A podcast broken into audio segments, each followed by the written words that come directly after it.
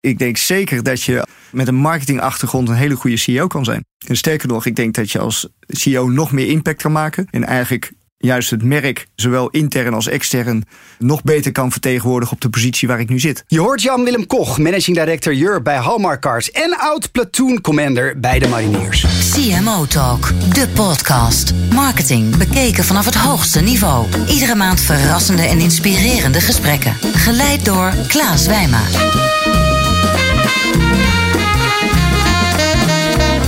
Welkom bij CMO Talk. Ik ben Klaas Wijma van Energize en jullie veel te blije host van deze maandelijkse marketing podcast. En vandaag heb ik iemand in de studio waar ik ontzettend veel zin heb in dit gesprek. Het is namelijk Jan-Willem Koch. Hij is de grote baas van Hallmark Cars in Europe.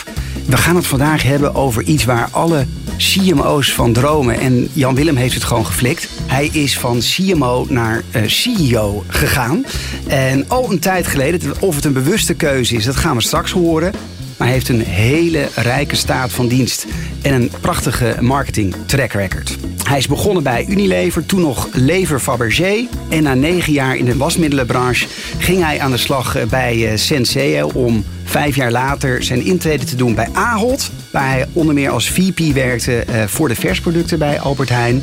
En later baas werd over Ethos. Ja, inmiddels alweer vier jaar CEO van Hallmark Europe. En we gaan het vandaag hebben over iets wat Jan Willem voor elkaar heeft gekregen. Groeien in een krimpende markt. Dus daar willen we alles van te weten komen. En natuurlijk ook hoe je als je als CMO bent en nu luistert. Ja, wat wordt de volgende stap? Ik ben nu CMO. En hoe word ik CEO? En dat geheim ga jij met ons delen, Jan-Willem. Toch? Nou ja, dat hoop ik. Ik hoop dat dat een geheim is. Ja. ik heb er zin in. Jan-Willem, dank voor je komst.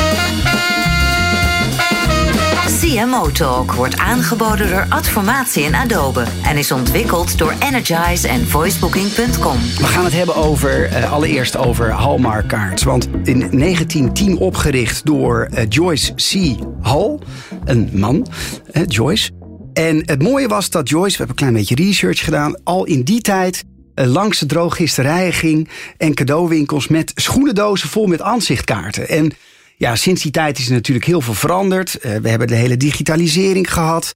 En inmiddels ja, feliciteren we elkaar allemaal massaal via WhatsApp en Facebook. Dat doet mij ja, meteen komen tot de eerste vraag. Is er nog wat toekomst voor de kaart? Ja, dat is een mooie vraag, Klaas. Um, ja, uiteraard is er toekomst voor de kaart. Ik denk uh, juist in deze tijd van vluchtigheid, van social media, van meer oppervlakkige contacten, dat juist een kaart een heel moment is om af en toe stil te staan bij wie echt belangrijk voor je is, echte aandacht te geven. En daar is denk ik een kaart een heel mooi middel voor. Ja, maar als je nou kijkt naar bijvoorbeeld eh, echte communicatie. Apple is natuurlijk in dat, in dat FaceTime gedoken, hè, jaren geleden, waarbij je elkaar natuurlijk ook echt connectie kan maken, elkaar kan zien. Wat maakt het dan nog bijzonderder om die kaart te krijgen, volgens jou? Nou, ik denk dat een kaart wel staat voor gewoon echte aandacht. Hmm. dat toch de moeite die je neemt om iets uit te zoeken voor iemand, iets erop te schrijven, of je dat nou doet via je computer of uh, met een pen. Maar een echte kaart ontvangen tussen de, de zakelijke brieven in de brievenbus is toch altijd een klein cadeautje. Ja. En dat is ook wat mensen teruggeven. Zeker als er Hallmark op staat op de achterkant van de envelop. Dan is dat toch al de eerste het eerste mooie cadeautje wat je dan, uh, wat je dan ziet. Het, het aha-moment uh, als iets door de brievenbus valt. Maar aan de andere kant, consumenten zijn lui. Hè? We leven ook wel in een gemakseconomie. Ja. Moet ik weer naar de winkel of naar de Hallmark shop? Hè? Daar kan je tegenwoordig ook kaartjes kopen online. Daar gaan we het straks ook nog over hebben postzegel plakken en dan, en, en dan maar kijken. Is die hardcopykaart, ja, ik blijf toch even hameren hoor, want dat willen luisteraars gewoon weten. Is die hardcopykaart niet veel te langzaam voor de tijd waarin we nu leven? Nou ja, langzaam in die zin is natuurlijk hebben we een fantastisch postnetwerk waarbij je gewoon toch uh, voor tienen bestellen online de volgende dag bezorgt. Ik denk mhm. niet dat dat heel langzaam is. Ik denk dat we uh, juist het moment van onthaasten af en toe heel mooi is om uh, even juist stil te staan bij, uh, ja, bij de belangrijke dingen. Dat dat helemaal niks te maken heeft met snelheid, maar juist met vertragen. Ja. En ik denk dat dat in deze tijd een, uh, een hele mooie aanvulling is op het hectische bestaan waar iedereen in zit. Dan, komen we, dan raken we volgens mij ook de positionering van Hallmark. kan, je, kan je daar iets over vertellen? Want jij bent vier jaar geleden begonnen bij Hallmark. Ja. En ja, toen stond het bedrijf er niet zo rooskleurig voor. Het was moeizaam in omzet, inderdaad. Uh, dus dat was achteruit aan het rollen. En eigenlijk hebben we met een, een nieuw, deels nieuw managementteam... hebben we een nieuwe richting bepaald. Mm. Hè, waarin het merk weer relevant moet worden. Hè, de bekendheid van Hallmark is heel groot. Maar de relevantie van het merk was wel wat achteruit aan het gaan. En hoe zorg je inderdaad voor dat je weer, ja, weer op de kaart komt te staan? Ja, en, en wat heb je toen gedaan? Nou, als eerste hebben we eigenlijk gewoon zijn we met consumenten gaan praten. Wat is nou, wat is nou belangrijk voor een, een consument als het gaat over relaties, als het gaat over kaarten versturen, over cadeaus, zonder dat daar nou direct het merk een rol in speelt. Maar meer, ja, en daar hebben we eigenlijk drie uur bij mensen thuis. Dus we gingen met duo's gingen we bij mensen op bezoek. Twee sessies?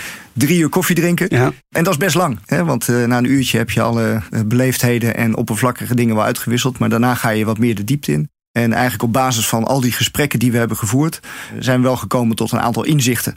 En uh, ik denk het belangrijkste inzicht is dat mensen het nog heel belangrijk vinden om waardevolle relaties te versterken. De rol van een kaart kan zijn dat je daarmee ook, dat is een middel eigenlijk om je gevoelens, je emoties over te brengen. Ja. Um, ook als je mensen even wat minder vaak ziet, uh, maar ook mensen, hè, als je een cadeautje wil geven, wat steeds vaker ook geld is of een cadeaukaart, hè, om daar toch een boodschap, persoonlijke boodschap bij te doen. En dan Ja. is een kaart heel geschikt. En dat was er al, want uh, Hallmark bestaat natuurlijk al heel erg lang. Ja. Maar ik ben nog een beetje aan het zoeken, want Hallmark opereert, de, de kaartenmarkt daalt. Uh, niet heel flink, maar wel een aantal procent per jaar. Maar ik vind toch, ik ben op zoek wat jij gedaan hebt, want Hallmark groeit. Ja. Eh, eh, en ook niet een klein beetje, maar jullie zijn, en je bent vrij bescheiden Jan Willem, maar sinds je bent aangetreden eh, gaat het heel goed met Hallmark. Ik ben ook benieuwd ook voor de luisteraars, kan je een aantal elementen noemen waarvan je zegt van hé, dat hebben we heel anders gedaan, waardoor we die, eh, die knop hebben om weten te zetten. Ik denk het belangrijkste inzicht uit die consumentengesprekken was wel dat mensen eigenlijk niet meer zitten te wachten op het verplichte kaartje. Dus bijvoorbeeld de kerst, waarin je vroeger 40 kaarten eh, je naam onder zette. Ja. Nou, allerlei mensen stuurden. Die mensen die je vroeger een kerstkaart sturen, die sturen nu een appje. Als je het al doet. Oppervlakkig contact. Oppervlakkig contact. De switch die wij hebben gemaakt is veel meer van de oppervlakkige relaties en het verplichte nummertje. Naar veel meer het spontaan, het willen sturen van een kaart naar de mensen die er echt toe doen. En dat is vaak een iets kleinere club. Hè, Er zijn minder aantal mensen. Hmm. Dus het volume van kaarten daalt ook wel iets. Maar de mensen die je wat stuurt, die wil je wel echt de juiste kaart sturen. En dan ben je bereid ook soms iets meer voor te betalen. Ja. Dus we hebben ook de afgelopen jaren zijn we ook in het wat eh, duurdere segment meer kaarten geïntroduceerd. Die heel goed hebben verkocht. Ja. Kun je een voorbeeld geven van dat dure segment van die. Kaarten met bijvoorbeeld een klein cadeautje erin. Ja, Hè, waar bijvoorbeeld eh, voor een man met, manchetknopen of een babykaart met kleine babysokjes erin. ah, leuk. Hè, die wat hoger geprijsd zijn. Hm. Maar ook gewoon kaarten die je bij wijze van spreken aan de muur kan hangen. Hè, we hebben bijvoorbeeld houten kaarten hebben we geïntroduceerd. Hè, die je niet alleen direct in de prullenbak gooit, maar die je ook zegt van nou dat is echt iets om te bewaren.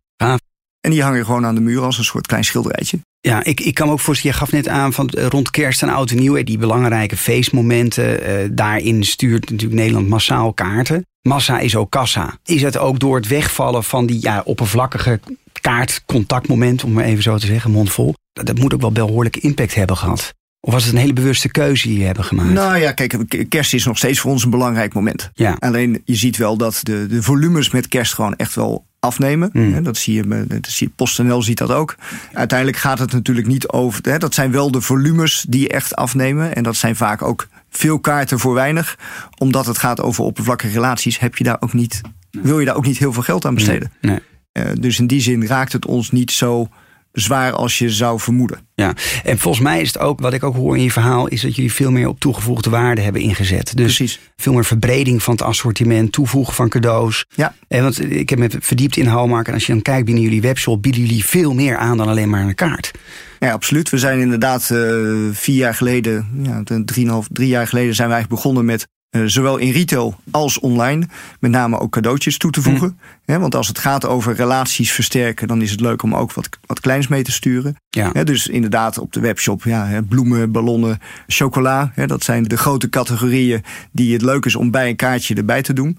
En dat bezorgen we de volgende dag. Dus dat is natuurlijk een, eh, een mooie aanvulling geweest op het assortiment. Maar ook in retail ehm, hebben we een, een nieuwe cadeaulijnen ontwikkeld. Hmm. Ehm, waarbij we eigenlijk de expertise van Hallmark toch creativiteit en toch eh, manieren om emotionele impact te maken. ook op 3D ehm, weten over te brengen. Oké, ja, interessant. Je noemt retail. Kun je daar je, je visie op geven? Want ja, retail staat onder druk. Met name de fysieke retail. De winkeliers, tabakzaken. Je, je hoort daar ook mensen klagen over. Ja, het omzet loopt terug. Ik kan me wel voorstellen dat voor jullie een heel belangrijk kanaal nog steeds is om, ja, uh, om de kaart aan de man. Het is vaak toch ook wel een impulsgoed, een kaart, kan ik me voorstellen. Ja. Hoe, Ja. hoe- wat is je antwoord daarop? Nou, je ziet inderdaad de, de meer de traditionele kanalen. Dat is voor een kaart is vaak meer een Destiny winkels. Hè, dus mensen gaan echt wel naar een Primera of een Reachop om echt een, een kaart uit te zoeken als ze iets bijzonders willen. Het is wel zo dat inderdaad in die winkels dat vaak de traffic wat achteruit loopt. Eh, hè, en daar, hebben we, daar heb je dan soms last van. Ja, Ja, uiteindelijk is het zo dat het, het juist weer de kracht van de ondernemers is in die winkels. om juist mensen te helpen om de juiste kaart te kiezen. ja, dus eh, de, de persoonlijke service is daar denk ik heel belangrijk. Mm. En die vind je wel in dat soort winkels. ja, Meer de impulsaankopen, die vind je natuurlijk meer in de supermarkten. Ja. Hè, waar je toch, ja, iedereen toch 2,3 keer per week komt. En dat is, zorgt meer voor de impulsaankopen dan echt de Destiny aankoop. Kan je nog iets vertellen? Want jullie introduceren niet zomaar kaarten, maar wat, wat mij persoonlijk heeft geraakt. Want ik was bij je op bezoek eh, vorige week en jullie hebben een mooie samenwerking met KWF. Mhm. En daarnaast hebben jullie ook een hele lijn ontwikkeld met eh, Havas Lems, eh, liefst voor altijd. Waarbij je een box kan achterlaten met, met, met bijzondere verhalen die je aan je dierbaren kan achterlaten op het moment dat je er niet meer bent. Die initiatieven, hoe zijn die tot stand gekomen? Is dat een pitch geweest van een bureau of borrelt dat zelf bij jou op? De oude marketeer in je? Vertel. Ja, ja, dat zijn natuurlijk al de, de, de, de mooie, de mooie initiatieven waar ik altijd wel erg warm van word. Hmm. Ja, kijk, uiteindelijk is dat vaak een combinatie van, eh, van een, een duidelijke strategie hebben. Hè? Ja. Dus het begint natuurlijk met een duidelijke strategie waarin we ons hebben gepositioneerd echt als ehm, wel om hartelijk verrassend en verbindend eh, te zijn. Mhm. Dat zijn meer de merkwaarden van Hallmark. Ja, binnen de strategie, als je zegt van wij stimuleren, inspireren mensen om emoties te uiten, dan passen daar sommige concepten heel goed bij. Ja. Het concept van lief voor altijd kwamen we inderdaad samen met Havas Lems hebben we ontwikkeld. Het was eigenlijk een idee wat van verschillende kanten op mijn bureau kwam. Waarbij concept met de box die je kan gebruiken, waar je brieven eh, in kan stoppen om en je dierbaren te geven of na te Mhm. laten. Of je er wel of niet bent, dat maakt niet uit. Het kan ook zijn dat je dat gewoon aan je kinderen wil geven op het moment als ze 18 worden. Ja, Dat vonden we een heel mooi concept wat echt heel goed bij onze missie past. Mm. Ja, dat hebben we verder uitgewerkt en is denk ik, eh, denk ik een heel mooi concept geworden. ja, mooi. Mag je trots op zijn. CMO Talk. Discussieer mee op hashtag CMO Talk. Bij CMO Talk eh, leggen we altijd eh, onze gasten een aantal stellingen voor. En hier komt de eerste.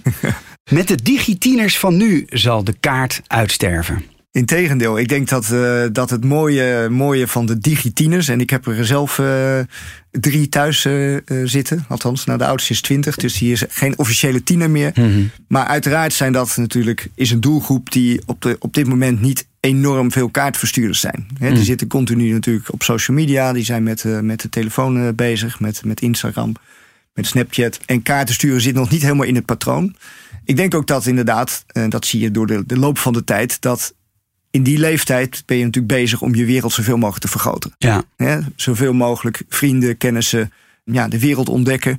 Alleen maar meer vrienden te maken. En ik denk dat op een gegeven moment te maken heeft met levensfase. Hè, Waarin je juist als je wat ouder wordt gaat beseffen wie er echt belangrijk voor je zijn. Ja, En dat is meer het moment, denk ik, dat dan de kaart weer zijn intrede doet. Op het moment als je ja, bijzondere momenten hebt met vrienden, met goede vrienden, met familie om te vieren om, of om bij stil te staan, dat je dan wel weer de kaart gaat sturen. Dat is wat je eigenlijk de afgelopen jaren hebt gezien. Mensen komen wat later in de categorie dan, bij wijze van spreken, dan de tienerleeftijd, maar blijven dan wel hangen. Wat doe je concreet om die doelgroep toch weer aan je te binden en, en kaarten voor hen relevant te maken? Nou, uiteindelijk is het ook gewoon de juiste content te maken. Hè, dus we proberen ons ook wel te verdiepen in de belevingswereld van die doelgroep. Wat zijn nou relevante momenten voor die doelgroep, waardoor je inderdaad geneigd bent een kaart te sturen? Ja, dat gebeurt zowel online, hè, daar, zijn we, daar zie je dat we nog net even een wat jongere doelgroep hebben dan in retail. Hm. Dus dat betekent ook voor de content die we maken, de kaarten die we op de website zetten, dat er ook wel echt een specifieke link is naar de jongere doelgroep. Kun je een successtory noemen van die kaarten? We hebben bijvoorbeeld een, ehm, een hele mooie lijn hebben we nu ontwikkeld. Die gaat met een knipoog naar social media. Ja, Waarvan je zegt van oké, Het is niet afzetten tegen social media. Het is, maar het is wel even om mensen aan het denken te zetten Mm. dat ja, een kaart zoveel leuker is dan een appje. En dat zijn mooie teksten die echt met een knipoog zijn. Ja. Die juist weer heel erg aanspreken bij de mensen die denken: ja, verdomd, ja, dat is. eh, dat Dat is een beetje denken aan boemerang. Boemerang een beetje boemerangkaarten. Ja, die je vroeger in de, in de kroeg. eh, Ja, ja, precies. ja, maar, maar die zijn weer heel anders gepositioneerd. Hebben ook een heel ander model hè, dan jullie. eh, want dat, dat leunt heel erg op advertising Dat volgens staat mij. heel erg op advertising. Maar het model en het gevoel wat je had bij de boemerangkaarten, weet je wel, je ziet, je komt er tegen en je denkt, ja, die, die moet ik naar die persoon sturen. Ja. Dat is iets wel wat we enorm stimuleren. Ook voor jullie belangrijk, denk ik. Je noemde net al e-commerce, het aanbieden van jullie kaarten ook online. Dat levert toch ook een frictie op met je bestaande retailers. Dat je direct gaat, kan ik me voorstellen. Heb je daar wel eens discussies over? Eigenlijk heel weinig. Althans niet op het niveau van, Mhm. van hoofdkantoren. Het is natuurlijk wel zo dat individuele ondernemers daar wel eens moeite mee hebben. Ja. Maar dat zijn dan ook vaak de wat oudere ondernemers die zeggen... ja, dat online moeten we buiten de deur houden. ja, die tijd zijn we natuurlijk al lang voorbij. Ja. Want online is gewoon een bestaand kanaal. Daar moet je gewoon zijn. Dus ja, dat is voor mij eigenlijk een gepasseerd station. En als je daar bij wijze van spreken moeite mee hebt... dan denk ik niet meer dat je helemaal van deze tijd bent. Waar ben je nou het meest trots op als je terugblikt op de afgelopen vier jaar? Het meest trots, denk ik, ben ik op eigenlijk de mensen binnen Hallmark. De passie en de betrokkenheid van de mensen die voor het bedrijf werken. Die eigenlijk allemaal wel merkambassadeur zijn geworden. Mm. Ik denk dat ze dat al waren, dat ze trots waren op Hallmark. Maar nu nog veel meer het merk uitdragen. En de slag hebben gemaakt van een toch wat traditionele wenskaartenproducent. Naar veel meer creativiteit en veel meer de consument centraal stellen. Noem eens een voorbeeld uit je team waarbij dat heel erg naar voren is gekomen. Waarbij jij zelf echt die trots hebt ervaren. de collectie van de moeilijke momenten waar je net al even aan refereerde. We zagen uit consumentenonderzoek dat er een groot gat zat tussen de kaarten die gaan over eh, beterschap en sterkte Mhm. En deelneming, hè, Mhm. condoliance. Vanuit consumenten bleek, bleek echt de behoefte dat er iets daartussenin moest zijn. En ik denk het creatieve team is aan de slag gegaan, ook samen met externe mensen, om een hele mooie collectie te maken die de moeilijke momenten benoemt. Ja. En dat kan zijn eh, depressie, het kan zijn ontslag, het kan zijn eh, burn-out of Ja, het kan ziekte. zijn ziekte.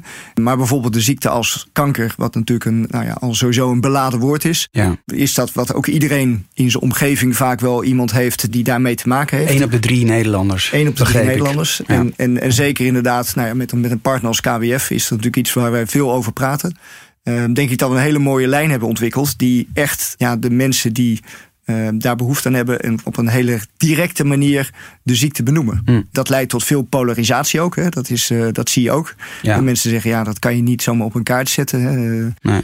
Babbelen over koetjes en kanker bij jou of bij mij. Ja. Dat is best eh, gevoelig. Maar ik denk dat we, die, ehm, eh, dat we die stap hebben gezet. En dat op social media en in, van consumenten rechtstreeks heel veel positieve reacties Hmm. hebben gehad van ja, dat is nou echt iets wat ik graag zou willen Er is zeggen. een partij die dit omarmt. En ja, beterschap ga je. Ja, dat is natuurlijk zo. Ja, wat, wat Dat dekt de lading iemand? niet. Dat dekt de lading Dat niet. dekt de lading niet. Dus jullie hebben daar mooi eh, op ingespeeld die- met die specifieke lijn. En dit zijn echt kaarten waar mensen echt, echt geroerd door, eh, door zijn. Door, zowel eh, aan de verzender als de ontvanger. Ontvangerkant. Ik ga je nog een aantal stellingen voorleggen, maar dat gaan we dit keer anders doen. Want je moet er steeds één kiezen. Komt-ie. Korte termijn omzetgroei of lange termijn merken bouwen? Lange termijn merken bouwen. Hogere aandeelhouderswaarde of investeren voor echte groei? Investeren voor echte groei. Nederlands merk of internationale bemoeienis? Nederlands merk. Hoge klanttevredenheid of hoge medewerkertevredenheid? Oeh, ja, die is moeilijk. Ja, ja, ja, ja. Nou, ik kies toch voor hoge klanttevredenheid. Zou je één van je, je keuzes kunnen toelichten? Nou ja, die laatste natuurlijk. Ja. Dat is het moeilijkste dilemma. Uiteindelijk denk ik dat hoge klanttevredenheid het doel is waar je voor staat. Dat is uiteindelijk datgene wat het succes bepaalt van een bedrijf in financiële zin. En dat ook het voortbestaan van het bedrijf garandeert. Ik denk dat tevreden medewerkers superbelangrijk is. Uiteindelijk ook om dat doel te bereiken. Je wil natuurlijk gewoon met elkaar mooi werk leveren. En daar heb je goede tevredenheid voor nodig. Dus daar doen we ook heel erg veel aan. En dit is wel een mooi bruggetje natuurlijk naar de internal branding, waar we veel tijd in hebben Ja. eh, gestoken. Om eigenlijk zowel je medewerkers mee te nemen in het verhaal. Waar staan we als Hallmark voor? Wat willen we bereiken? En hoe kan je daar zelf aan bijdragen? En wat zie je daarvan dan uiteindelijk naar buiten in de producten, in eh, de communicatie die we doen? Wat heb je daarin anders gedaan dan eh, bij, bij andere grote corporates waar je hiervoor werkte, bij Unilever bijvoorbeeld of, of Ahold? Ehm, we hebben echt een, een, een, een heel intensief internal branding traject gedaan. Hmm. Waarbij we eigenlijk het, het merk hebben, duidelijk hebben gedefinieerd en gepositioneerd. En samen met de medewerkers eigenlijk echt hebben uitgewerkt. We hebben de merkwaarde hartelijk verrassend en verbindend, wat ik net al zei. Maar daar hebben we eh, echt invulling aan gegeven. ehm, wat dat voor iedereen individueel betekent. Ja. Welk gedrag bedoelen we daar dan mee? Ja. Wat zit er precies achter die merkwaarde in plaats van containerbegrippen, hè, wat vaak bij merk- of cultuurwaarde vaak is. Hè. Dat staat leuk op een muur of in een, op een website, maar wordt weinig invulling aan gegeven. Hm. En ik denk dat wij echt wel eh, richting hebben gegeven aan het gedrag van medewerkers om daar wat mee te doen. Hè, we kan beoordelen mensen daar ook op. Ja, eh, oké. Ja, dus die waarden komen terug ook in je hele beoordeling. Die komen terug in aannamebeleid, in beoordelingen, in het beoordelen van communicatiemiddelen, in het beoordelen van producten. En bij het maken van belangrijke beslissingen is Ja. dit wel een belangrijke leidraad. Ik kan me ook voorstellen in zo'n discussie met je team. Hè, er werken een paar honderd man bij. Hallmark op het Ja. hoofdkantoor. Ja, dat het ook wel eens eh, leidt tot flinke discussies over hoe je je moet gedragen. Want dat klinkt allemaal heel erg mooi, maar Ja, dat het is niet is alleen eh, maar roze geur en maneschijn, toch? Het is niet altijd roze geur en maneschijn. Mm. En dat leidt inderdaad tot discussies over. Ja, wel, je zoekt altijd natuurlijk een beetje de randen op. Ja. Eh, hè, en soms eh, ben je wat scherper dan misschien eh, dan de, dan de een wil dan de ander. En uiteindelijk met een discussie met de merkwaarde aan de hand. En we hebben een mooie merkwaarde meetlat. Hè, waarbij Ja. je ook echt kan zeggen: nou ja, dit past wel of dit past niet. Is dat vaak een, een goede manier om eruit te komen? Mooi. Een estafette vraag, want die eh, doen we ook altijd in eh, CMO Talk. Want in de vorige CMO Talk interviewde ik Theo van Uffelen, de marketingbaas van eh, Egon. En hij heeft ook een vraag voor jou.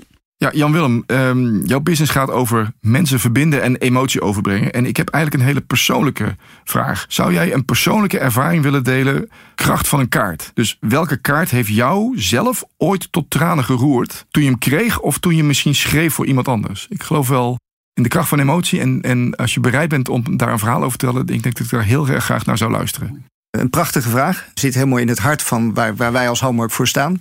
En mijn persoonlijke ervaring daar is eigenlijk eh, dat ik even terugdenk aan, is het, anderhalf jaar geleden? Denk ik, ja, twee, bijna twee jaar geleden. Mijn oudste dochter voor een jaar ging hockey in Amerika. Heb ik haar een kaart gestuurd, of meegegeven eigenlijk. Met daarop inderdaad de, de tekst: eh, Volg je hart.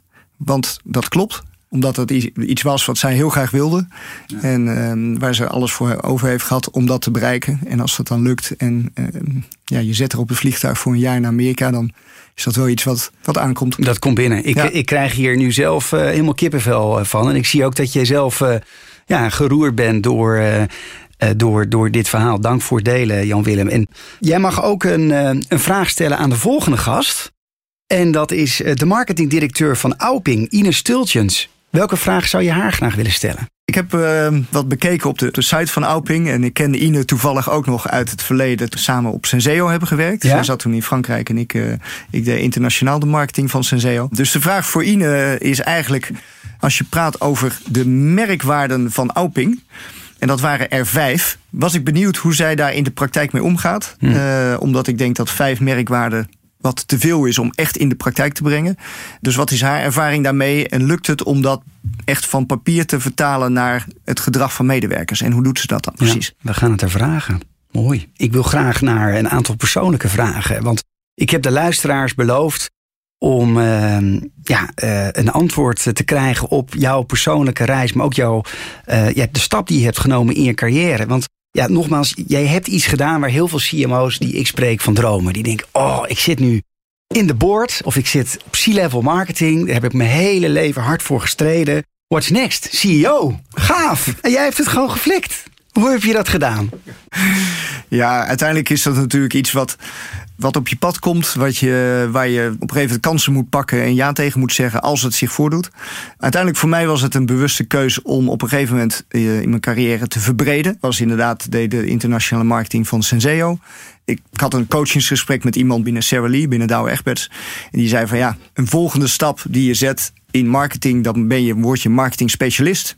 Ehm, maar als jij nog wil verbreden en meer general management wil doen, dan zou je nu meer een baan moeten vinden die wat meer gaat over een business unit met een mannetje of 50, met een P&L-verantwoordelijkheid en meer dan alleen commercie, eh, maar ook een supply chain-achtige rol erin. Nou, dat was een mooie tip. En de toeval wilde, of toeval, ik weet niet of dat toeval bestaat, maar Uiteindelijk staan je ogen daar wel voor open. Of je Hmm. oren staan er wel voor open. En en ik denk vier weken later werd ik gebeld voor een, een baan binnen Albert Heijn. Waarin eigenlijk al deze vinkjes eh, gezet konden worden achter die criteria.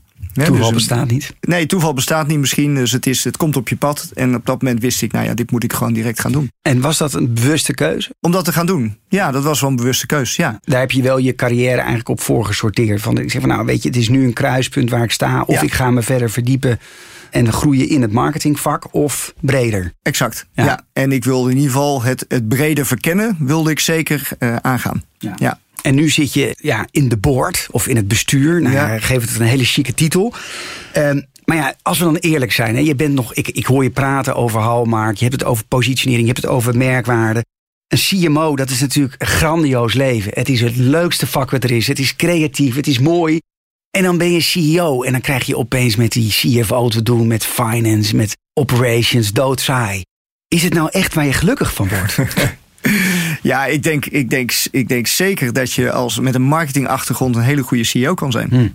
En sterker nog, ik denk dat je als CEO nog meer impact kan maken. En eigenlijk juist het merk, zowel intern als extern, eh, nog beter kan vertegenwoordigen op de positie waar ik nu zit. Uiteraard bemoei ik me er af en toe ook nog steeds mee. Ja. Dat is misschien wel wat vervelend voor eh, mensen in het bedrijf. Maar ja, het marketingvak blijft natuurlijk eh, geweldig trekken. En naast denk ik de CEO-taken, dat gaat ook over medewerkers, het gaat over mensen inspireren. denk ik dat je als, eh, als marketeer daar ook nog een streepje voor hebt. ja. Wa- waarom denk je dat? Nou, omdat ik denk dat marketeers over het algemeen denken vanuit visie, vanuit creativiteit en vanuit echt belang van de consument.